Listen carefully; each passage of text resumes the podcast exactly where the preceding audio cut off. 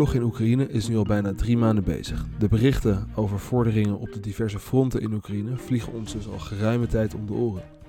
Een aanval door Rusland door middel van vier assen, waarbij het zwaartepunt eerst lag bij Kiev en nu gericht is op het oosten, namelijk de Donbass.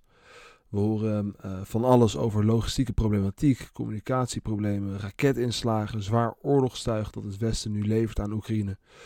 Het is dus eigenlijk amper te volgen. Maar dan kan je de vraag stellen: hoeveel impact hebben die problemen eigenlijk? Waarom is de logistiek en de communicatie zo van belang? En hoe ziet een militaire operatie er dan normaal uit? Nou, het is tijd om in te duiken. In dit tweeluik bespreken we als eerste hoe de krijgsmacht in elkaar steekt en uh, hoe het planningsproces eruit ziet. In de volgende aflevering passen we deze theorie toe op het conflict in Oekraïne en bespreken we het verloop van de oorlog.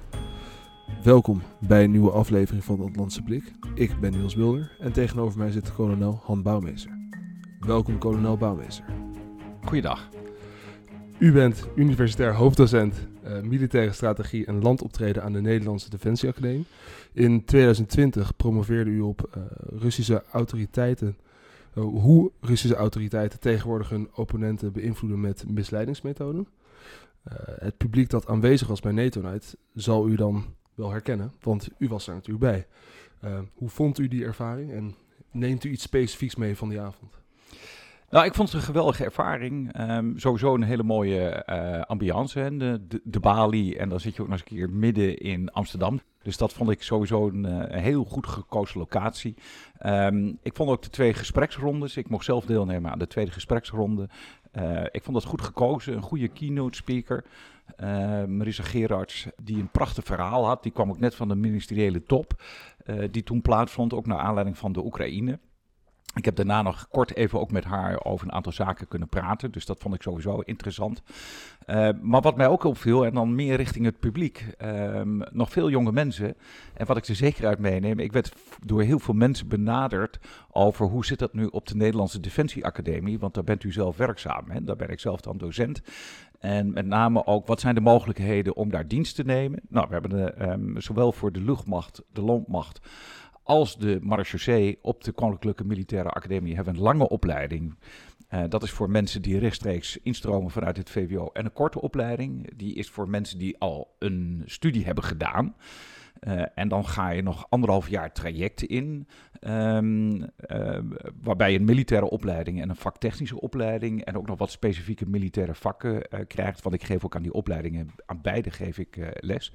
Ja. Maar los daarvan, hen, en um, kun je ook naar het KIM, dat zit in Den Helder, dat is voor de marine, hè, dat, dat is voor de vloot, de administratieve zaken, de technische zaken en ook de mariniers gaan daar aanvankelijk naartoe.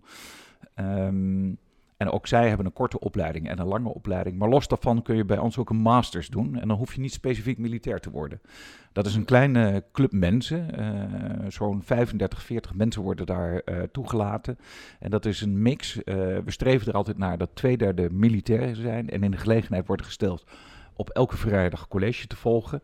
En een derde ervan um, wordt ingevuld door mensen van andere ministeries of andere studenten. Dus, en dat wordt heel interessant gevonden. En het is, uh, uh, ik, ik, ik ben er heel erg trots op. Ik mag er zelf ook een klein beetje aan bijdragen. Maar hij staat bekend als een hele goede opleiding. Nou, ik hoop daar zelf ook uh, over twee jaar deel te aannemen. Dus ik, ik, ik ben heel benieuwd. Ja, ja. De reden dat ik u hier voor heb uitgenodigd is dus om ja, dus te gaan kijken naar enerzijds het conflict in Oekraïne en tegelijkertijd uh, ja, wat meer te gaan kijken naar dat militaire, dat militaire middel dat past in de toolbox of dat thuis is in de toolbox van de overheid. Um, ja, dus de Nederlandse krijgsmacht bestaat uit de landmacht, marine, luchtmacht en marechaussee. Dus wellicht is het goed uh, om dan even kort toe te lichten. Wat is dan de rol van elk onderdeel? Um, ja, misschien, misschien is dat goed om daar mee te beginnen. Van, ja, wat, wat zullen we beginnen met het oudste onderdeel? Want dat is de Koninklijke Marine. En dat is een fantastisch mooi uh, uh, krijgsmachtdeel die zich vooral richt, uh, richt op, op operatie te zee. waar moet je dan aan denken? Um, dingen in, rondom de kust. Ter verdediging van het eigen land. Maar het is ook wat we soms noemen het openhouden van de sea lines of communication. Dus als je operaties elders gaat doen of oorlog gaat voeren elders, dat in ieder geval de lange aanvoerlijnen over zee uh, opengehouden worden. Ehm, en daarnaast ook hen vanuit kustwateren of zelfs wat verder weg kun je ook uh, schepen neerleggen en kun je eventueel het conflict op land beheersen en beïnvloeden. En dat doe je dan met lange afstandsraketten en, en, en dergelijke zaken. Een tweede punt wat ze natuurlijk hebben, ze hebben een uh, prachtig korps, het Korps Mariniers. En uh, die zijn ook in staat om vanaf zee um, in eerste instantie een, een amfibische operatie, zoals dat zo mooi heet, een stukje door zee uiteindelijk aan land te komen, daar een bruggenhoofd te slaan en uiteindelijk daaruit te willen uitbreken. Nou, dat Korps heeft niet alleen die taken, ze kennen ook nog een aantal specialistische taken. Ze hebben ook uh, NL Marsov, dat uh, zijn de special forces van de mariniers. Dus al met al, dat is het oudste krijgsmachtdeel. Nou, daarna komt de landmacht. De landmacht is heel divers. Um, en die doet natuurlijk de landoperaties. Uh, daartoe hebben ze infanterie. En tegenwoordig gelukkig ook weer een klein clubje tanks. Um, dus dat is de cavalerie. Cavalerie houdt zich ook bezig met verkenningen. Um, en daarnaast uh, infanterie en cavalerie, dus tanks en, en verkenningen, worden gesteund door de artillerie. Dat zijn de kanonnen die over langere afstand kunnen gaan schieten. Uh, dat alles wordt ook weer ondersteund door de genie. En de genie uh, richt zich op mobiliteit en contramobiliteit. Wat houdt dat in? Nou ja, eigen mobiliteit uh, proberen zo goed mogelijk te vergroten als je in een aanval bent. Dus als er een brug uit ligt, dan worden de bruggen gebouwd. Of als de wegen heel erg slecht zijn, dan worden de wegen um, dusdanig um, geprepareerd dat ze weer bereikbaar zijn. Uh, contramobiliteit, uh, dan doe je juist de andere dingen ten opzichte van je vijand. Uh, want die probeer je zoveel mogelijk te belemmeren in zijn voortgang van zijn operaties. Nou, daarnaast hebben ze, als je gaat verdedigen, ook taken om de verdediging zo goed en zo sterk mogelijk aan te leggen. En het zijn ook de mensen die thuis zijn, eventueel als je andere soorten operaties doet om infrastructuur aan te leggen, huizen te bouwen. Um, wij noemen ze ook wel de bouwvakkers van uh, de Koninklijke Landmacht. nou, daarnaast hebben we nog een, een uh, de verbindingsdienst, die zorgt voor de communicatie vooral. Um, we hebben de logistiek, hè, die zorgt voor de bevoorrading en alles op peil houden. We hebben de geneeskundige troepen, heel belangrijk, wordt vaak over het hoofd gezien, maar is een hele belangrijke factor. Want die moet garanderen dat uh, als er gewonden vallen, dat die op tijd worden afgevoerd. En dat is een motivator hoor.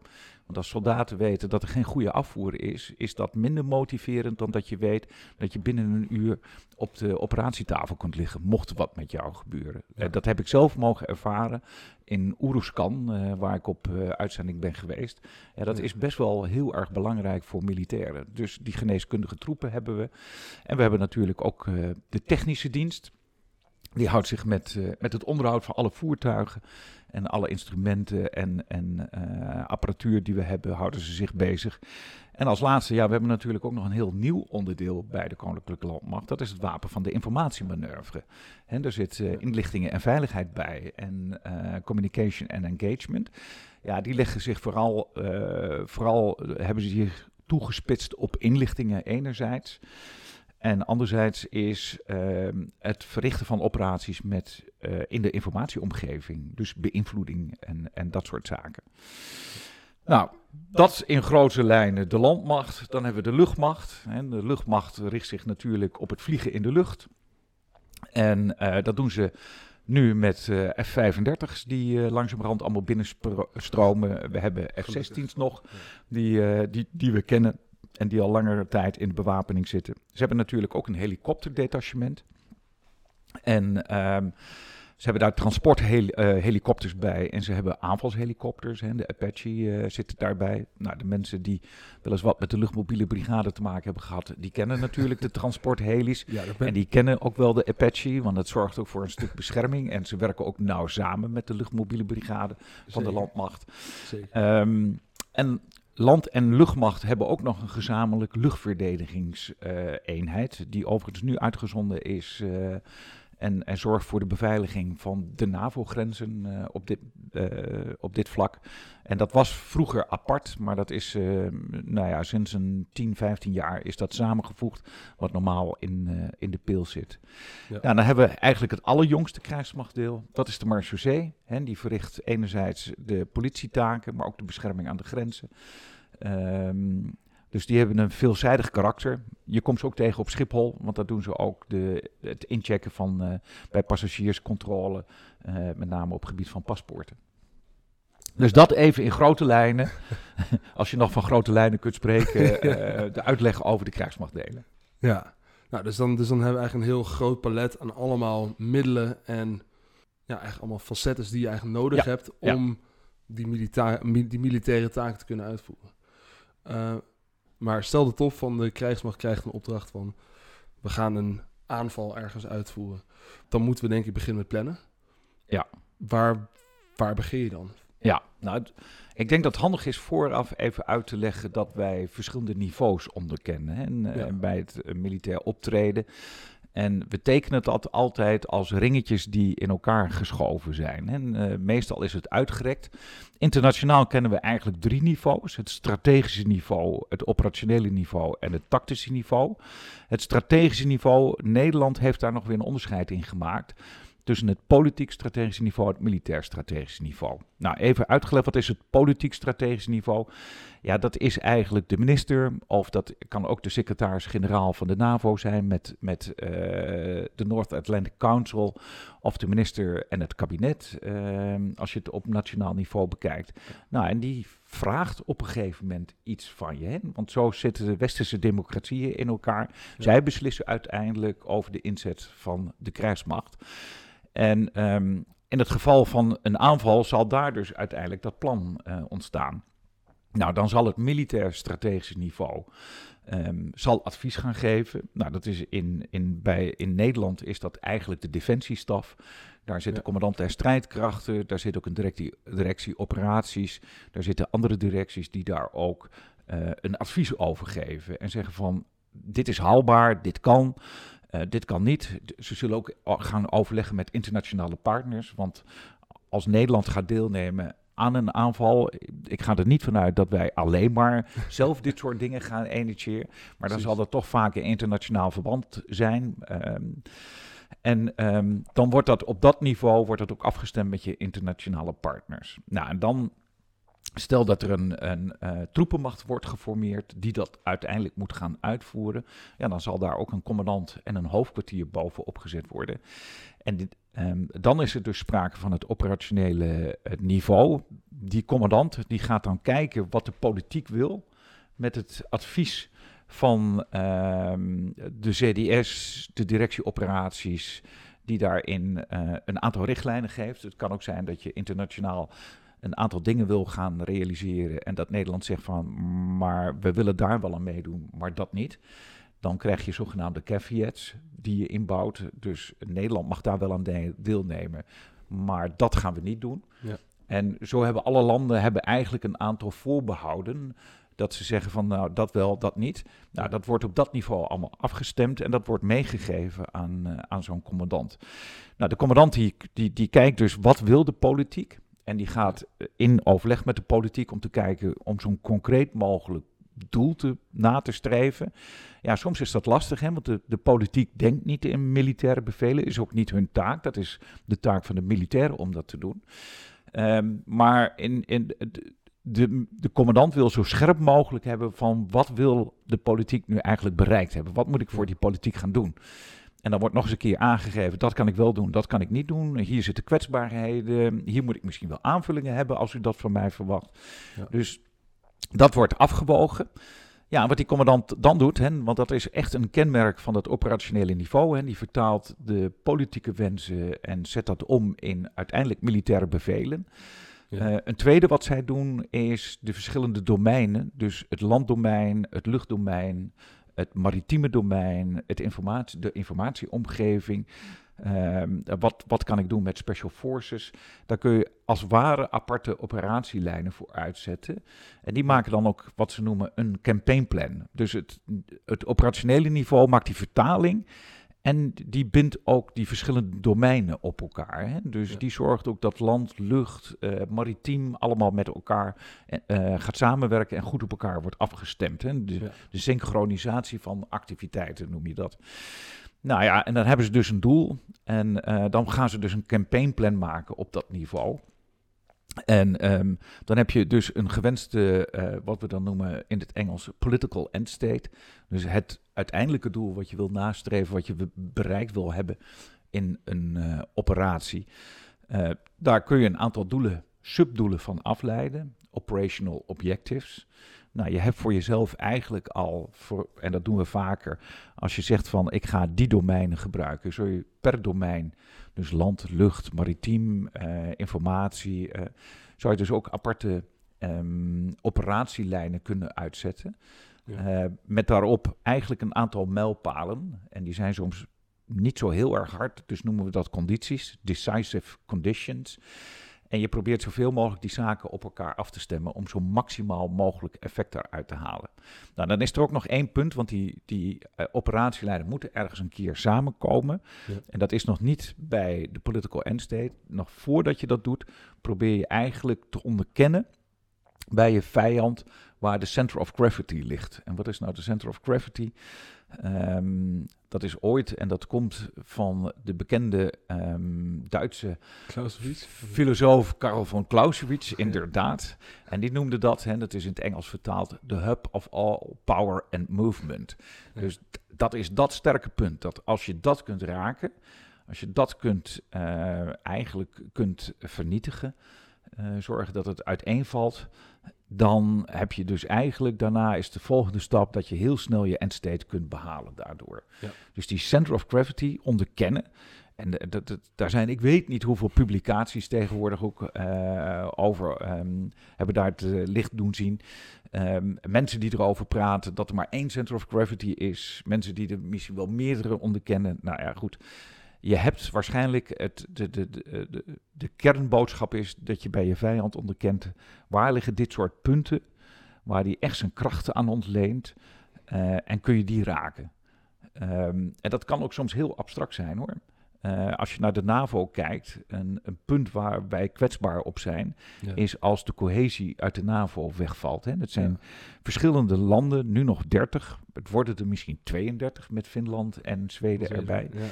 Maar die moeten ook altijd um, met z'n allen overeenstemming hebben. En is dat niet zo, ja, dan is dat lastig. En dan verdwijnt de effectiviteit in zo'n bondgenootschap. Ja. Dus het is ook belangrijk als jij begint aan dit soort planningen, op dit soort niveau, op het operationele niveau, dat je dus kijkt naar de centers of gravity van jouw vijand, maar dat je ook bij jezelf je center of gravity onderkent, want dat kan door de vijand aangegrepen worden.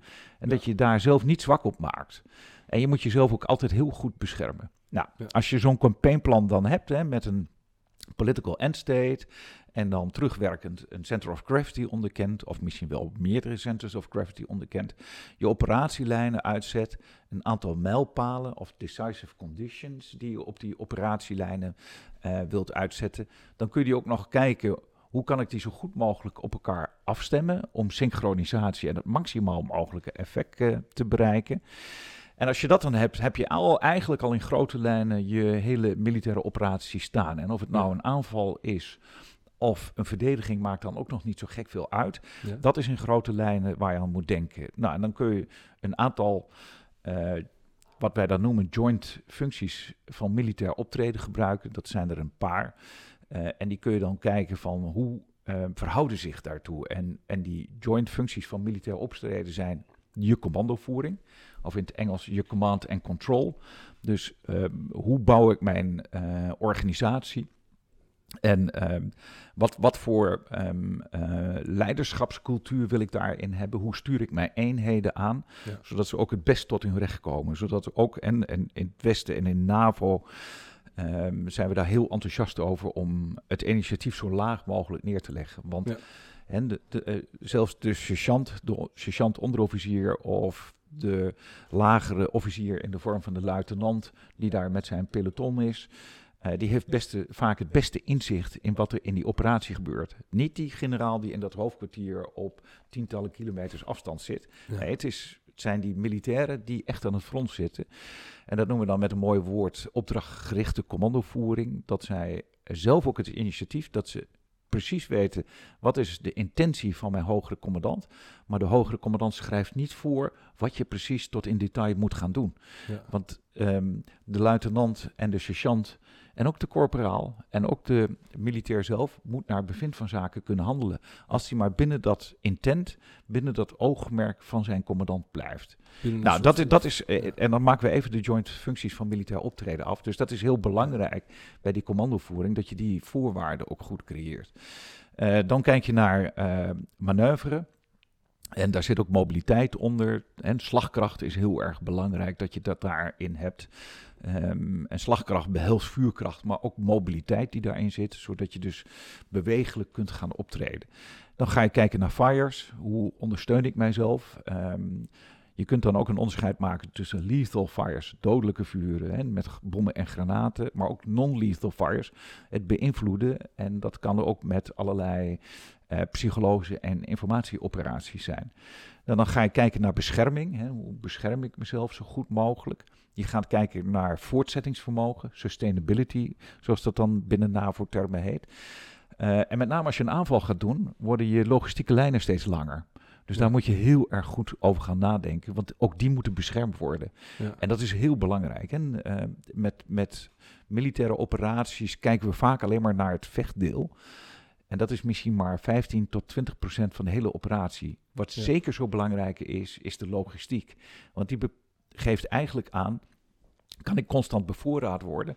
Dus loop ik niet uit mijn voorraden. Dus heb ik genoeg, uh, constant tijdens de operatie, genoeg brandstof, genoeg munitie, genoeg te eten om mezelf in leven te houden.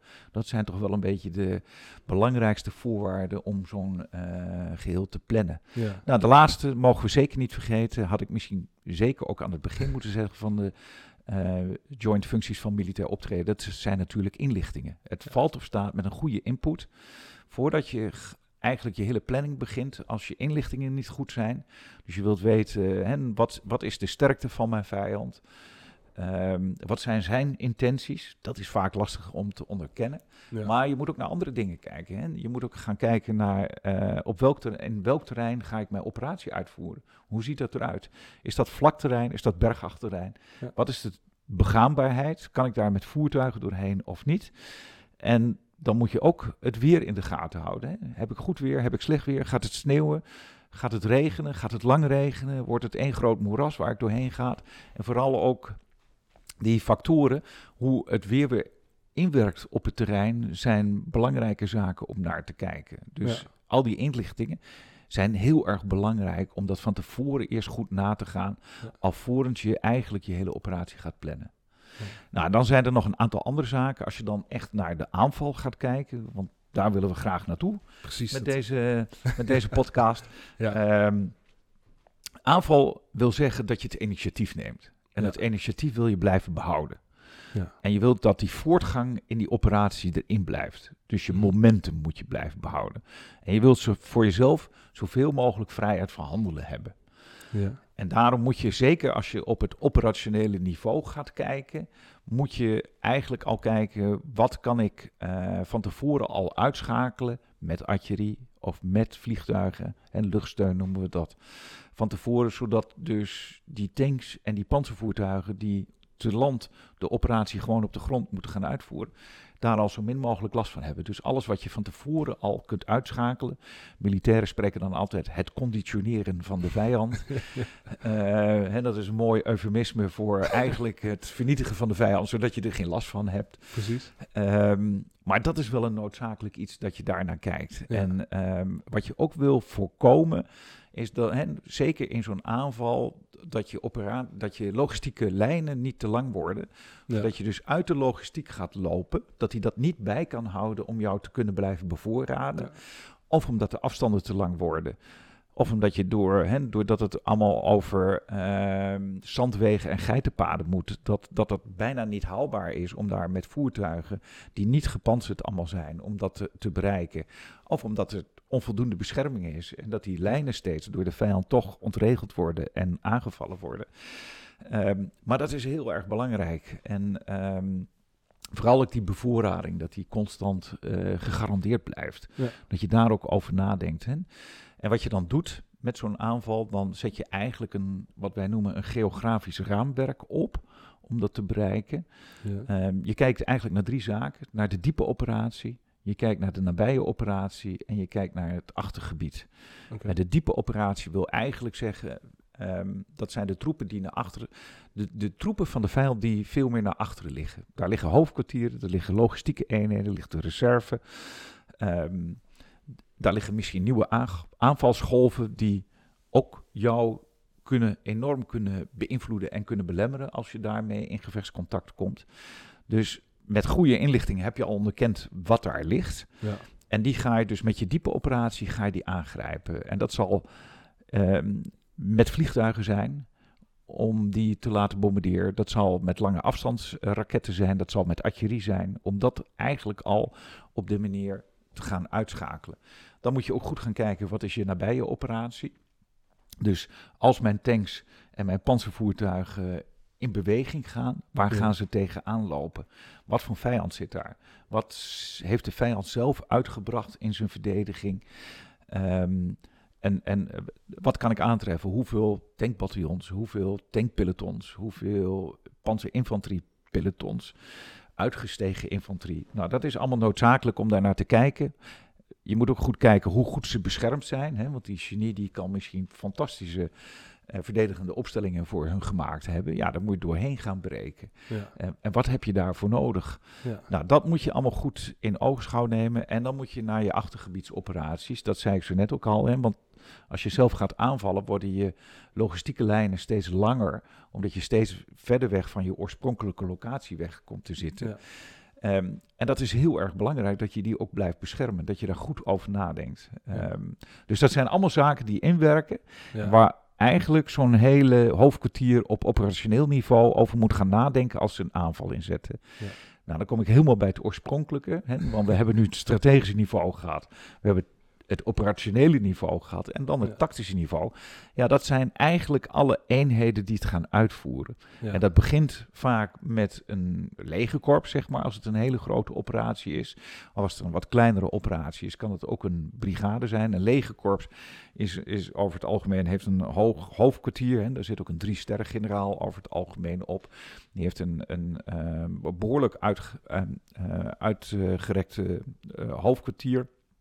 En ja, die stuurt eh, in ieder geval meerdere brigades of meerdere divisies eh, eigenlijk aan.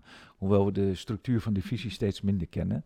Ja. Ehm, dus die stemt dat goed op elkaar af. En een brigade die voert het dan uit. Ja, waar moet je aan denken bij een brigade? Dan heb je sowieso al over een kleine 3000, soms ook wel meer hoor. Ligt een beetje aan het karakter van de brigade. 3000 militairen met allerlei voertuigen die erbij horen. Een, een kleine toevoeging daaraan is natuurlijk dat Nederland... ehm, wij hebben op dit moment eigenlijk diverse brigades... maar binnen de Nederlandse krijgsmacht zelf geen grotere... We hebben geen divisie. We vallen natuurlijk wel met Nee, bijvoorbeeld... nee, we hebben geen divisieniveau meer. Nee. We hebben daar eh, eigenlijk al zo'n, ik denk 20 jaar geleden, zo ongeveer de beslissing genomen. Nee, iets later, 15 jaar geleden. Ja. eh, de beslissing genomen dat eh, wij niet meer in, in divisies ons, onze kern van de landmacht vormende brigades. We hebben er drie. Ja. We hebben de 43e brigade. Dat is een eh, gemechaniseerde brigade. Die ligt in Havelte. Die zit helemaal in een Duitse structuur. Die zit in een Duitse panzerdivisie opgenomen. Hè. De Duitsers hebben dat nog wel. Stellen dat ook op prijs. Ehm, en die ge- gemechaniseerde brigade die heeft eh, twee panzerinfanteriebataljons. Dus dat zijn eh, eenheden van zo'n 6 tot 800 militairen. Met panzervoertuigen, CV-90 is dat. Van origine een Zweeds eh panzervoertuig. Eh, daar zit een kanon op. eh, niet zo groot als bij de tankeenheden. Eh, maar die kan toch behoorlijk schieten. En daar kunnen ook infanteristen achterin. Zolang ze achterin zitten, noemen we dat brede optreden. Dus- en het kan zijn dat de deuren opgaan en dat ze ja, een aanvalsdoel moeten overmeesteren. En ja, dan spreken we over uitgestegen acties. Ja. En dat is heel erg belangrijk dat die ook bescherming geven aan de tanks. Want de tanks zijn eigenlijk de slagkracht. De brigade heeft één tankbataljon. Dat is geen eigen tankbataljon, maar is een Duits tankbataljon. En in dat Duitse tankbataljon zit weer één Nederlandse. eh, ja, vroeger noemden we dat escadron, zo heet dat officieel vroeger Ja. bij de cavalerie. Tegenwoordig nemen, we, eh, hebben we de Duitse terminologie overgenomen, dus noemen we dat een tankcompagnie wat daar zit. eh, met een aantal tanks. Ehm, en dat vormt de slagkracht binnen de brigade. Die kunnen heel mobiel optreden. Hè. Ze hebben Leopard tanks. Die Leopards die kunnen wel 60, 70 km per uur rijden. Ja, niet altijd door het veld natuurlijk als ze moeten optreden. Maar die zijn heel bewegelijk en die kunnen enorme klappen uitdelen. Ja. Eh, en dat is eigenlijk in het gevecht ook noodzakelijk. Zeker als je een aanval gaat doen, dat je die slag, slagkracht noemen Ja. ze dat, hè? Dat, je, dat je die in ieder geval hebt. Nou, dat is de 43e brigade. Eh, ze hebben zelf geen eh, artillerie meer. Dat is tegenwoordig allemaal geclusterd bij het vuursteuncommando. Eh, en dat is, losgekoppeld van de brigades. Dat valt onder het operationeel eh, ondersteuningscommando landmacht, het OOCL. Daar zit ook wat genie in. Daar zit ehm, het, eh, nou ja, eigenlijk de eenheden die behoren tot ehm, het wapen van de informatiemanoeuvre. Dus die informatiemanoeuvre kunnen uitvoeren. Dat is allemaal geclusterd. En er zit natuurlijk ook logistieke ondersteuning bij dat OOCL. Ehm, dat, wij noemen dat eigenlijk onze vierde brigade. Eh, maar het is eigenlijk een samenvoeging van ondersteunende elementen over het algemeen. Ja. Eh, maar even terug naar die brigades, hè, want ik heb de 43e brigade gemeld. Eh, dan hebben we natuurlijk in het midden van ons land, in Schaarsbergen en ook een stukje in Assen, daar zit de luchtmobiele brigade. Jou volgens mij niet onbekend, Niels. Zeker, zeker. ja. nou ja, goed, daar zitten drie bataljons bij. Eh, twee daarvan zitten in Schaarsbergen en één daarvan eh, zit in Assen. Dat, zijn, dat is lichte infanterie. Eh, dus zodra ze aan de grond staan, zo moet je dat voorstellen, hebben ze, zullen ze veel operaties te voet moeten gaan uitvoeren. Dus die hebben niet zoveel mobiliteit als ehm, de gemechaniseerde brigade dat heeft. Eh, maar ze kunnen wel, hè, het voordeel is dat ze overal ingevlogen kunnen worden. Want uiteindelijk, hè, wat, wat is eigenlijk het doel? Dat ze met transportheli's ergens, eh, daar waar het noodzakelijk is, of daar waar tijdelijk een zwaartepunt gelegd moet worden, dat ze heel snel ingevlogen kunnen worden en dan aan de grond gezet kunnen worden. Dus dat is een voordeel. Nou ja, die brigade werkt dus ook heel veel samen met de luchtmacht, wat we eerder genoemd hebben, waar dus ook de Apaches bij zitten, eh, eh, transportheli's om ze te kunnen vervoeren. En als dat allemaal samengevoegd wordt, dan spreken we ook over air maneuver. Ehm, als je alleen de brigade op zich hebt, dan noem je dat de luchtmobiele brigade eh, zelf. Maar goed, dat is een beetje hogere wiskunde voor militairen eh, in ieder geval. Maar het- de Ja. club zit in Schaarsbergen en, en deels in Assen. eh, en dat is ook de club met de rode beretten. Ja. Daarmee onderscheiden ze zich ook, hè, makkelijk herkenbaar. Nou, dan hebben we nog een, een derde brigade, die zit in het zuiden van het land. Dat is de lichte brigade. Daar zitten gemotoriseerde voertuigen in. Eh, daar zitten ook twee eh infanteriebataljons, eh, deels ook wel gepantserd, maar die zitten niet op rupsen, die zitten op, op wielen. Eh, heel lang is het de bedoeling geweest dat zij mogelijk zouden gaan samenwerken met de Belgen en de Fransen. Daar is nu van afgezien. Eh, sinds kort is ook de beslissing genomen dat zij ook gaan integreren in een Duitse eh, divisie in ieder geval.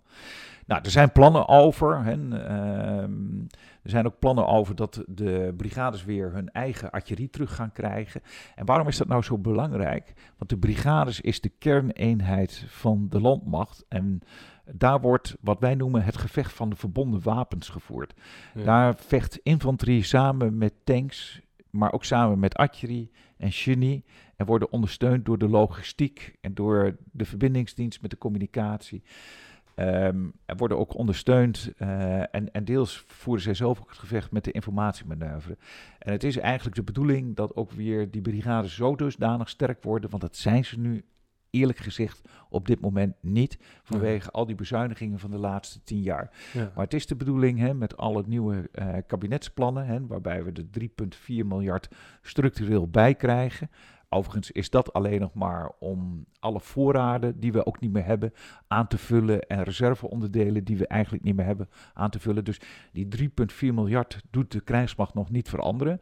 Maar als we mogen groeien naar de 2% norm, dan zou dat met de huidige economie betekenen dat er nog eens een keer 3,8 miljard bij komt. En dan kunnen we gaan nadenken over van hoe kunnen we verder gaan uitbreiden. Om even een voorbeeld te noemen, hè, ik heb zelf een artillerieachtergrond. Artillerie zat vroeger altijd bij de brigades, want die zijn onderdeel van het gevecht van de verbonden wapens. Ja. Eh, maar die hebben de brigades dus zelf niet meer. En dat hebben we teruggebracht tot één afdeling, die eigenlijk ondergebracht is bij dat uh, OOCL, dat uh, Operationeel Ondersteuningscommando Landmacht. Ja. en die moeten in voorkomend geval moet die delen afstand naar die brigades. En waar we naartoe willen is uiteindelijk dat die brigades ook hun eigen artillerieafdelingen weer krijgen, waar ze zeggenschap over hebben. En merk je dan ook binnen de artillerie dat de, dat de verbondenheid dus ook met die andere eenheden de slecht is. Wordt er dan ook minder geoefend met andere eenheden? Of, of... Nee, ze proberen dat wel zo goed mogelijk op peil te houden. Want het is natuurlijk wel zaak dat je ehm, de eenheden waar je naartoe gaat en waar je aan toe bedeeld wordt, dat je die zo goed mogelijk leert kennen. En dat je al in ieder geval een aantal keren met elkaar geoefend hebt. Ehm, maar het mooie zou zijn als elke brigade weer een eigen artillerieafdeling krijgen. En overigens is het dan ook de bedoeling dat de luchtmobiele brigade weer de eigen mortieren krijgt. Want die zijn daar nu ook onder gebracht. Want er is één batterij van die afdeling die we nog hebben. En de 41ste afdeling, de Charlie-batterij, bestaat alleen maar uit mortieren. En dat zijn de mortieren die en kunnen optreden ter ondersteuning van de luchtmobiele brigade, maar ook kunnen optreden ter ondersteuning van het korps mariniers. Want er zitten ook mariniers bij uh, die dat krijgen. Nou, de bedoeling is dat het korps mariniers ook eigen uh, mortieren krijgt, dat de luchtmobiele brigade eigen mortieren krijgt en dat de landmacht eigen artillerie bij de brigades heeft zitten. Ja worden weer helemaal zelfvoorzienend. En kunnen we zelf ja, nou ja, dat we in ieder geval dat gevecht van die verbonden wapens weer leren eh, en, en, kunnen gaan voor, leren. Die expertise, hè, die ervaringen zitten er nog wel, maar uh, we moeten dat weer gewoon dusdanig organiseren dat het ook gewoon mogelijk is. En dan is het misschien ook even interessant om een stap naar de Oekraïne te maken. Hè, de oorlog die daar nu 2022 plaatsvindt. Ja. Nou, wat je dus gezien hebt, en je hebt het in de aankondiging ook genoemd over Kiev. En waarom is Kiev nou niet doorgegaan? Nou ja, goed, kijk naar die hele operatie die daarvoor uitgevoerd moest worden. Ja. Zeker ook die operatie die vanuit, het, uh, vanuit Rusland door het noordoosten van Oekraïne uiteindelijk naar Kiev. Hè, hele lange aanvoerlijnen. Ja. Um, dus die, die uh, logistiek werd heel erg kwetsbaar. En die kon ook makkelijk door hele kleine uh, elementen van het Oekraïense leger worden aangevallen. Maar kijk nu ook dus naar die andere aanval, hè, die tweede aanval op Kiev, die eigenlijk vanuit Belarus gewoon naar het zuiden ging, richting Kiev. Ja, daar hebben kolonnes gestaan en daar stonden tanks alleen maar achter elkaar. En dan wordt een tank heel erg kwetsbaar. Een tank is een fantastisch mooi wapen. En ik ben het er ook absoluut niet mee eens, want er gaan nu allerlei discussies dat uh, het tankwapen niet meer van deze tijd zou zijn. Nou, hij is absoluut van deze tijd. Kijk maar naar de Amerikanen, want daar vormt hij ook nog steeds een wezenlijk onderdeel van de krijgsmacht. Nou, en als er een land is wat voorop loopt met ontwikkelingen in landoptreden, is dat natuurlijk uh, Amerika. Hetzelfde geldt overigens voor Israël. Israël heeft zelf een tank, de Merkava 4, hele platte tank. Dus het hele concept tank is nog niet gereed. En je krijgt nu de discussie over die tank, of die nu wel of niet, uh, of, of die niet verouderd is en of we daar niet vanaf moeten. Um, nou, daar zal ik zo nog, ook nog iets over zeggen. Maar even terug naar die kolonne die daar stond. Wat je dus zag is dat de Russen hem niet goed inzetten. En dat vervult een beetje de discussie van is het dan nog wel een, een, een, goed wapen om te gebruiken. Ja, de, de, de Russen die lieten hem in zijn kolonne staan en dan wordt hij kwetsbaar. Ja. Uh, wat je dan moet doen is, er moet ook beveiliging van de infanterie omheen zitten. Als dat niet gebeurt, dan wordt het een kwetsbaar uh, object. Nou, even terug naar die tank. Is het dan een verouderd concept? Nee, absoluut helemaal niet. Want je hebt die slagkracht gewoon nodig. Precies. En wat je ziet is, en, uh, in, in die hele ontwikkeling van die tank, hè, de Tweede Wereldoorlog die kwam. Um, en daar is die veelvuldig ingezet, hè, want hij is ontwikkeld in de Eerste Wereldoorlog. Het is een concept wat eigenlijk al 100 jaar oud is. Eigenlijk net zo oud als het gevechtsvliegtuig, want dat stamt ook uit die tijd. Ja. En je ziet dat we daar ook nog steeds ontwikkelingen in hebben. Dat is ook niet voorbij.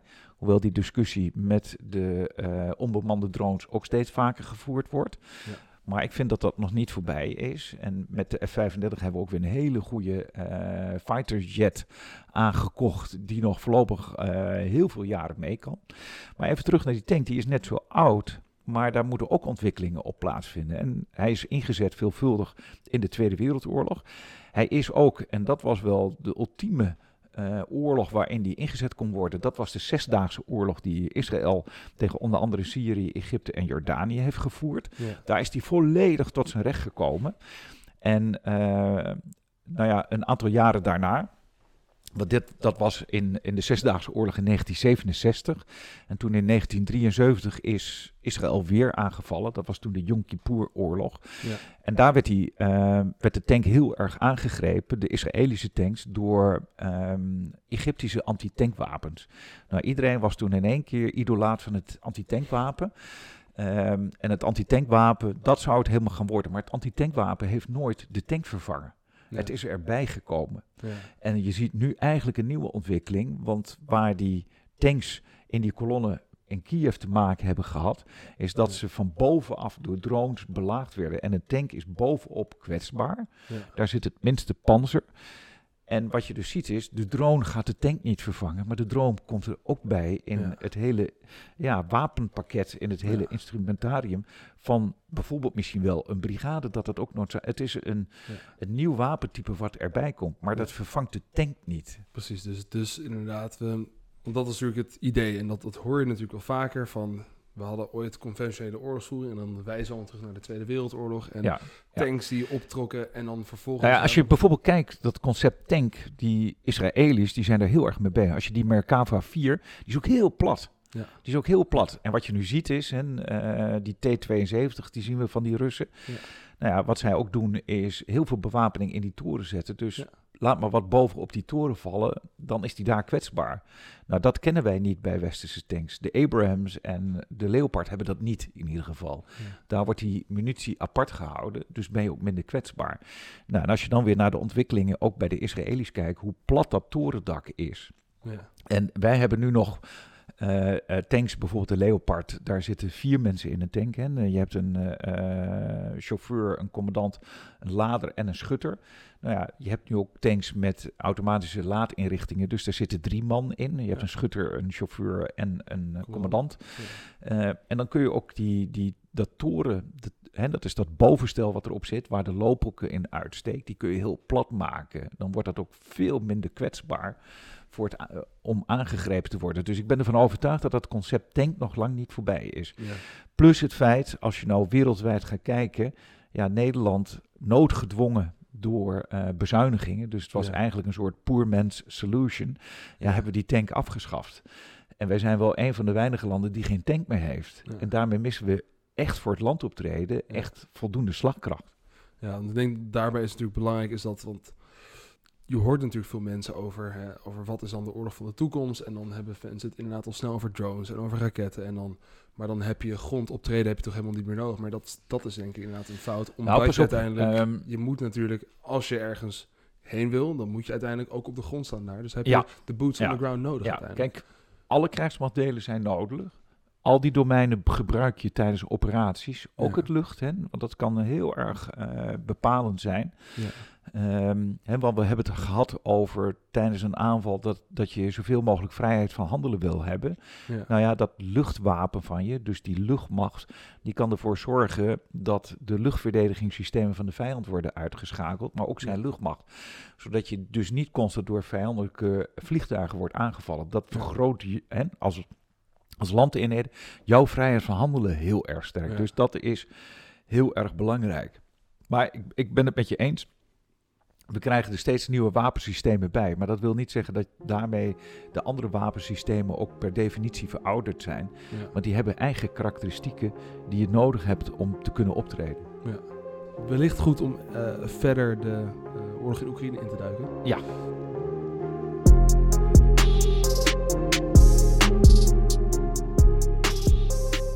Ik hoop dat deze aflevering enigszins geholpen heeft met het beter begrijpen van de krijgsmacht. Ondanks dat we proberen de jargon te vermijden, dan wel het uit te leggen, eh, kwam het er veelvuldig in terug. Dus klasse als je het einde gered hebt.